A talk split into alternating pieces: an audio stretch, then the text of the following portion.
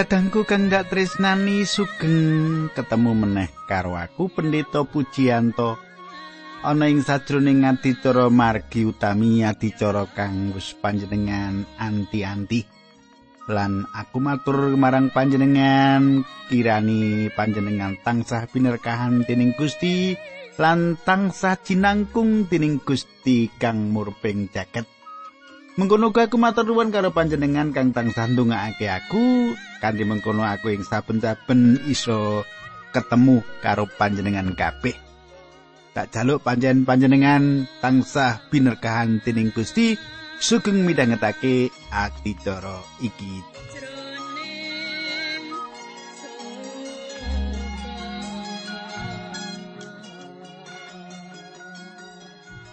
Kadangku kang dak tresnani, Gusti Allah wis jangkung umate. Gusti Allah kanthi kawigaten sing gedhe maringi paugeran kanggo kabecikane bangsa Israel. Bangsa kang dadi pilihani panjenengani. Kaya sing wis kita sinau kepungkur mratelake kaya apa kang ndak marang panjenengan Gusti Allah kanthi kawigaten sing gedhe maringi paugeran, paugeran kanggo bangsa Israel supaya kabeh kuwi duwe tujuan kanggo kabecikane bangsa iku dhewe. Nah katengku sadurunge tak teruske aku ngaturake salam. Ngaturake salam marang Bapak Slamet Agung Wahyudi. Bapak Slamet Agung Wahyudi kados pundi pawartosipun Bapak Slamet saya-saya to. Menawi kita sampun nate pinanggih nggih. Nah, kadangku layangi Pak Slamet pancen ora dawa nanging layang kang sethithik iku mujudake paseduluran kanggo aku sak kanca ing batu. Kita ndedonga bebarengan.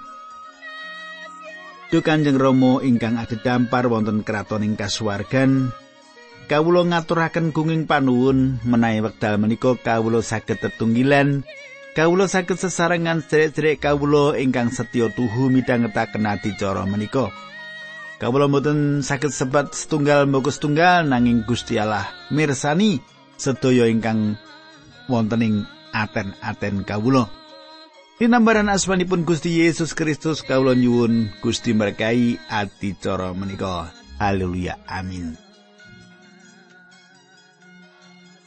Katangku kang ndak tresnani ing pepanggihan saiki aku matur karo panjenengan yen saiki sing bakal ndak andharake wis ngancik bab 24 ing kitab kaimaman kita wis ngancik pasal 24 kitab kaimaman utawa buku kaimaman Katanggu pasal iki isine rada beda, ora padha karo pasal-pasal sing wis kita sinau. Lenga kanggo lampu lan roti ing riyaya tarub godhong ora diperlokake. Lenga kanggo lampu lan roti ing riyaya tarub godhong ora diperlokake. Senajan kaya ngono lenga lan roti iki dening Sang Resuci diagem salah sijine pralambang ing riyaya-riyaya liyane. Kabeh riyaya lan apa sing ditindakake ing riyaya taun sabat lan yobel kudu katindakake ing teranging Sang Roh Suci lan kinanten ing panguwasa lan kekuatane Sang Kristus. Katanggu bab iki pancen wigati banget. Wigati ana bab sing dadi akibat praktis ing adicara iki sing ora bisa dilirwakake, ora bisa disepeleke. Wong-wong Israel nyediakake lenga kanggo uruping lampu ing bait suci, uga glepung sing apik kanggo roti pisungsung. Iki ateges yen Allah uga maringi wektu marang Israel marang umate supaya nyiapake bahan kanggo upacara ing kemah pasewakan utawa papan kalenggahane. Gusti Allah. Gusti Allah bisa wae nyawisake apa wae sing diperlokake kanggo upacara iku mau kabeh kanthi mukjizat. Nanging Gusti Allah ngersakake umate padha melu cawi-cawi. lan melu tanggung jawab anane upacara ing papan kalenggahane Gusti Allah mau. Pancen akeh cara kanggo kita supaya bisa melu nindakake pakaryane Allah ing donya iki. Coba panjenengan mirsani kiwa tengen. Nuli panjenengan menggalih kanthi wening. Mesti ana bagian-bagian ing pakaryane Allah sing panjenengan bisa melu nindakake. Saben kita wong Kristen padha tresno marang Allah. Wis sak mestine yen kita nindakake apa sing didhawuhke dening sing kita tresnani, yaiku Allah kita. Kita kondo nek wis tresnani Gusti Allah, ngabekti karo Gusti Allah, nanging nek kita ora melu cawe-cawe pagaryane Allah, yo jenenge katresnan kita isih perlu ditakokake meneh. Nah, coba kata iki. Nalika kita di dawi Gusti Allah dikersake supaya kita melu cawe-cawe ana ing perangane pakaryane kaya-kaya Allah ngendika kowe nggawa lenga lan kowe nggawa glepung lampu ing bae suci kuwi gati ing upacara bangsa Israel jalan lampu iku dadi pralambang sing pancen edi lan indah tumrap Sang Kristus Pendamaran iku digawe saka emas murni, nuli dirakit sing duweni epang pitu saka wit siji. Wih, indah banget katangku. Nuli Imam Harun duweni kewajiban jaga supaya pendamaran iku tetep urip, tetep murup. Nanging saiki pendamaran iku ana ing astane Imam Agung kita, Gusti Yesus Kristus. Gusti Yesus ngendika yen panjenengane iku pepadangi jagat. Gusti Yesus ngendika, yen panjenengan iku pepadangi jagat. Malah sadurunge Gusti Yesus mengko menyang swarga, paring weling marang para murid supaya dadi pepadangi jagat. Kowe kabeh dadi pepadangi jagat. Kula lan panjenengan menawi panjenengan pitados kalian Gusti Yesus, kita menika dados pepadangi jagat.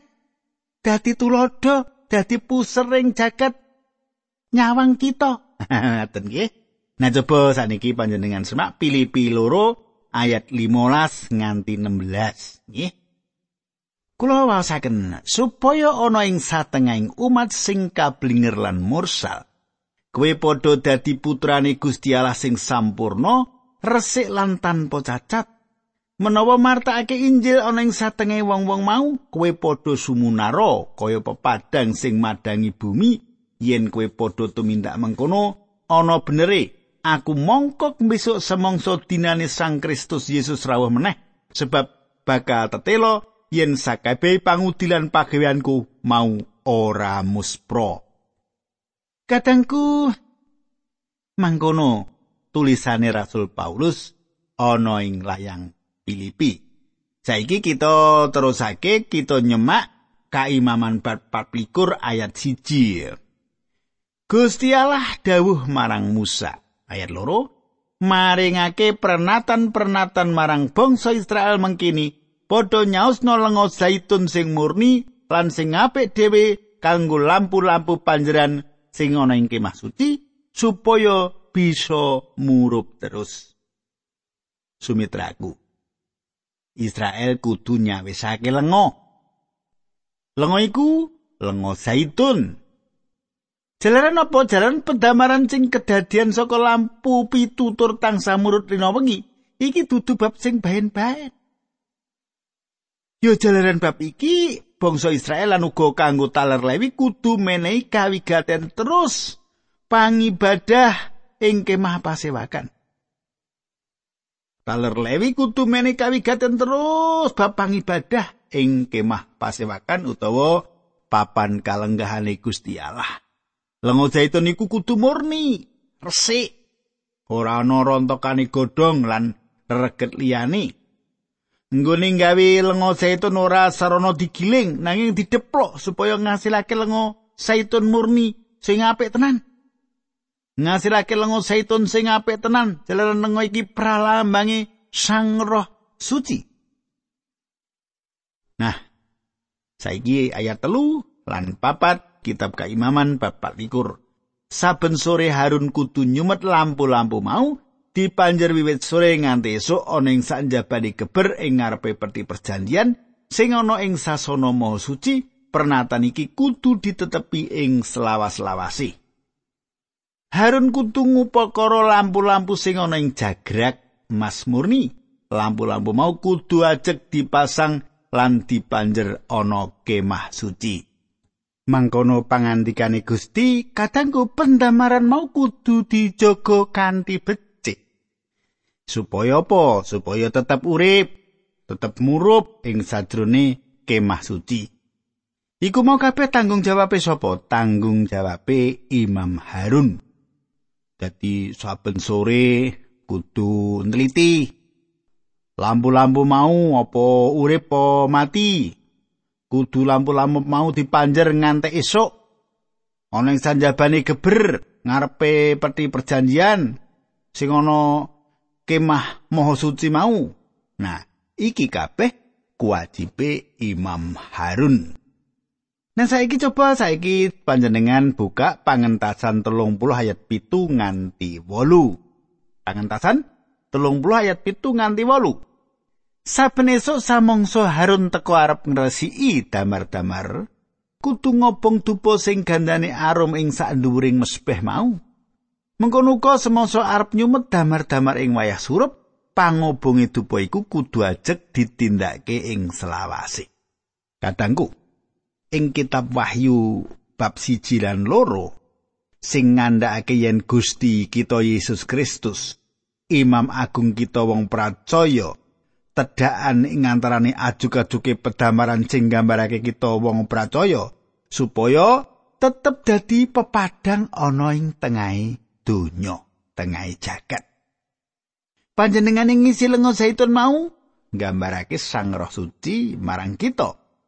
Panjenengan ngresiki sumbune, ngresiki urip kita kanthi nunggil ing ati kita, ing urip kita, supaya apa? Supaya urip kita tansah sumunar dadi pepadange jagat kita. Kala-kala yen lampu mau ngetokake pego lan sunare ora bisa dadi pepadang, ora ana cara liya kejaba mateni lampu iku. Nah saiki coba disemak ayat 5 nganti pitu ing kitab keimaman pasal 4 iki. Njupo glepung gandum pilihan rolas kilogram lan gawe roti rolas iji. roti mau selehno ing meja sing dilapis emas sing ana ing kemah suci dadekno rong tumpuk sak tumpuke nemiji saben sak tumpuk doko ana menyan murni menyan kuwi minangka gantine roti tondo yen rotine wis disaosake dadi kurban daharan marang Allah. Kadangku glepung sing apik. Glepung sing apik uga kudu dicawisake dening bangsa Israel. Yen lenga saitun dadi lambangi sang roh suci yen glepung sing apik iku pralambangi Gusti kita Yesus Kristus. Cetha ya. Lenga saitun tu lambangi sang roh suci nek glepung lambangi Gusti kita Yesus Kristus. Nah saiki bisa panjenengan semak ing Yohanes 6 ayat 35 Yohanes 6 ayat 35 pangandikane Gusti Yesus aku iki roti sing nguripi sing sapa marani aku ora bakal luwe meneh lan wong sing percaya marang aku ora bakal ngelak meneh. Katangku glepung sing apik digawe saka gandum. Yen kemenyan iku kedadean saka tulutu ewet kemenyan minangka saosane para umat. Roti lambange Sang Kristus, kemenyan sing gondo arum anggambarake iku meralambangake kamanungsani Sang Kristus. Saiki kaimaman ayat 8 bab 24 tak wacake teko songo. Saben dina sabat kudu ana roti kaya mengkono kuwi ana ing kemah suci. Kuwi pernatan kanggo ing salawas-lawase sing kudu ditetepi dening umat Israel. Roti mau dadi bagiane Harun lan anak turune lan kudu dipangan ing panggonan suci. Merga roti mau klebu daharan sing kasaosake marang Allah kanggo pangane para Israel. Kadangku roti diselehake ing dhuwure meja nganti seminggu lawase. Roti diganti saben dina sabat lan roti sing lawas kudu pangan Imam Harun saanake ing panggonan sing suci. Ing kitab Samuel diceritakake yen Imam Ahimelek menehi roti suci mau marang Raja Daud sak pandereke supaya dipangan. Ing Injil Matius nyebutake kahanan mau. Matius 12 ayat telu tekan papat. Gusti Yesus ngendika apa kowe padha ora maca ing kitab suci bab apa sing ditindakake dening Senopati Daud nalika panjenengane lan wong-wonge padha keluwen. Panjenengane mlebu ing pedalamane Allah. Banjur nedha roti sing dicaosake marang Gusti Allah. Semono para wong sing nderekake panjenengane mongko miturut pernatane agama Yahudi Senopati Daud lan wong-wonge mau ora kena mangan roti kuwi. awit sing kena mangan roti kuwi mung para imam. Kadangku. Iki didhawuhake Gusti Yesus nalika wong Parisi ewa. Ora seneng maido. Para murid nalika padha metik lan mangan wulen gandum ing dina sabat kena paido dening para wong Parisi. Wong Parisi padha ewa. Roti lan pepadang iku sapa to? roti lan pepadang iku Sang Kristus piyambak. Coba Yohanes 6 ayat 51. Aku iki roti sing nguripake. Ya kuwi roti sing tumurun saka swarga. Wong sing mangan roti mau bakal urip selawase. Roti sing diwenehake ya kuwi dagingku. Dagingku ndak wenehake supaya jagat iki urip. Yohanes 8 ayat 12. Gusti Yesus ngendika meneh marang wong akeh sing padha ana ing pedalemane Allah mengkini, aku iki pepadangi jagat. Wong sing ngetut buri aku bakal oleh pepadang ing uripe, wong mau ora bakal mlaku ing sadroning pepeteng. Kadang kowe sak mesine yen saben wong sing kepengin ngladosi pakaryane Gusti saben dina kudu maca kitab suci apa sing kita ladosake katur panjenengane kudu tansah kapimpin ing panguasane Roh Suci. Ing buku Kaimaman ana rong episode, rong bagian lelakon. Salah sijine lelakon Nadab lan Abihu ing Kaimaman lan saiki tekan crita liyane. Senajan iki kaya kaya ora sesambungan, nanging ana tondo-tondo yen Allah lagi nggulawentah umate ing bab nyawiyah. Utawa ing basa Indonesia menghujat yaiku ngipati-pati asmane Allah. Coba panjenengan katekke kaimaman 24 ayat 10 nganti 11. Ing panggonane umat Israel kono ana wong lanang bapakne wong Mesir lan ibune wong Israel jenenge Silomit. Silomit kuwi anake Dibri saka Talerdan ing sawijining dina wong mau padu karo wong Israel. Sadurunge padha padu wong kuwi ngipati-pati Gusti Allah, mulane banjur tirit dening wong Israel sawetara disowanake Musa. Wonge ditahan ngenteni dawe Allah wong kuwi kudu dikapakake. Katanggu bocah lanang iku nindakake dosa jalaran ngipati-pati asmane Allah. Ibune saka Taldan lan bapakne wong Mesir. Ing pangetasan rolas ayat telung puluh katulis mengkini. akeh wong-wong bangsa liya warna-warna padha melu mengkono akeh banget wedhus gembel wedhus Jawa sarta sapi kang iya padha digawa katangku turunan campuran iki padha gawe kisruh ing kemah. Padha ngedumel sing bisa ndadekake dredah siji lan sijine. Wilangan 11 ayat 14 Ing antarane wong Israel ana wong-wong monco sing ketagihan mangan enak. Wong-wong Israel yo banjur ana sing melu-melu. Kepengin mangan iwak mulani banjur padha grundelan. Tembungi mbok yen ngene iki ana sing ngeteri iwak Kadangku kaya wateke bocah cilik sing gawe goro-goro wae. Nalika Israel ninggalake tanah Mesir, kawin campuran banjur padha pisah. Yen bapa saka Mesir tetep ditinggal ing Mesir, yen ibu Israel kudu melu keluaran. Kadangku Saturunge Allah wis paring dawuh supaya ora ana kawin campur antarane umat kagungane lan umat liyane. Allah pirsa apa sing arep kedadian yen nganti kelakon. Iki babar pisan ora nyangkut salah sawijining bangsa. Wong pracaya ora bisa kawin karo sing ora pracaya. Saka bangsa lan warna kulit apa wae. Senajan warna kulite padha yen kapercayane ora padha, luwih becik ora dikawinake. Kenapa kok ngono? Allah wis ndhawuhake. Anak saka kawin campur biasane duweni angel, duweni pilihan urip. Niru bapa apa niru patrap biyunge. Dadi anak saka kawin campur biasane duweni watak angel. dheweke bingung arep milih urip sing kepiye? Apa niru bapake apa niru ibune? Yen wis milih uga ora dilakoni kanthi tememen. Tido-tido langkae mangu-mangu. Kanggo nemtokake cara uripe tansah kesrimpet pikirane ing rong perkara mau melu popo apa melu biung melu ibu apa melu bapak. Nah anak-anak campuran iki gawe ribet jalaran atine pancen ribet.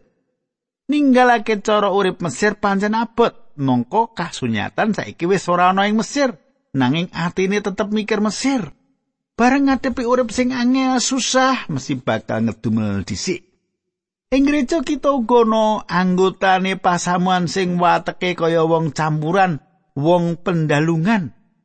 Ana uga anggotane gereja sing durung duweni iman sing wutuh sing sikil siji ana njero gereja sing siji ing jaba gereja. Wong-wong iki sing asring dadi pepalange gereja ngabarake katresnane Gusti Yesus marang wong liya Dine warga sing wis mateng mantep mesti ora duweni tumindak kanggo memalangi peladosane gereja. Bocah lanang saka turunan campur iki padha gelut jalanan bocah-bocah iki kaya anak jalanan anja sing ora duwe panggonan. Ing antarane suku dan bocah campur niki ora duweni panggonan.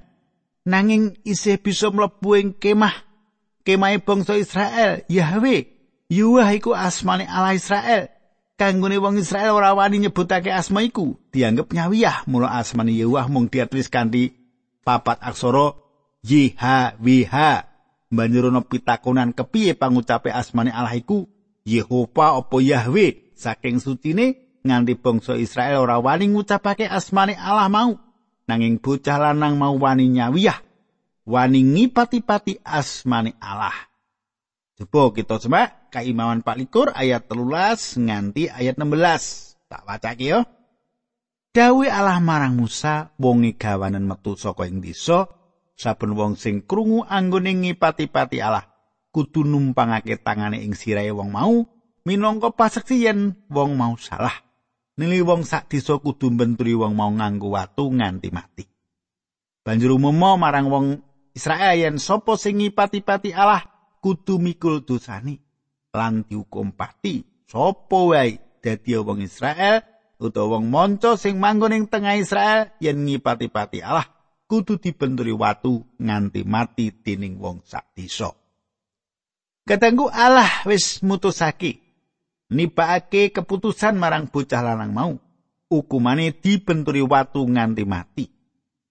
Panerake ngangger-angger iku ukurane bisa diteleng saka paukumane yen nganti hukuman mau pati ateges pelanggarane abot.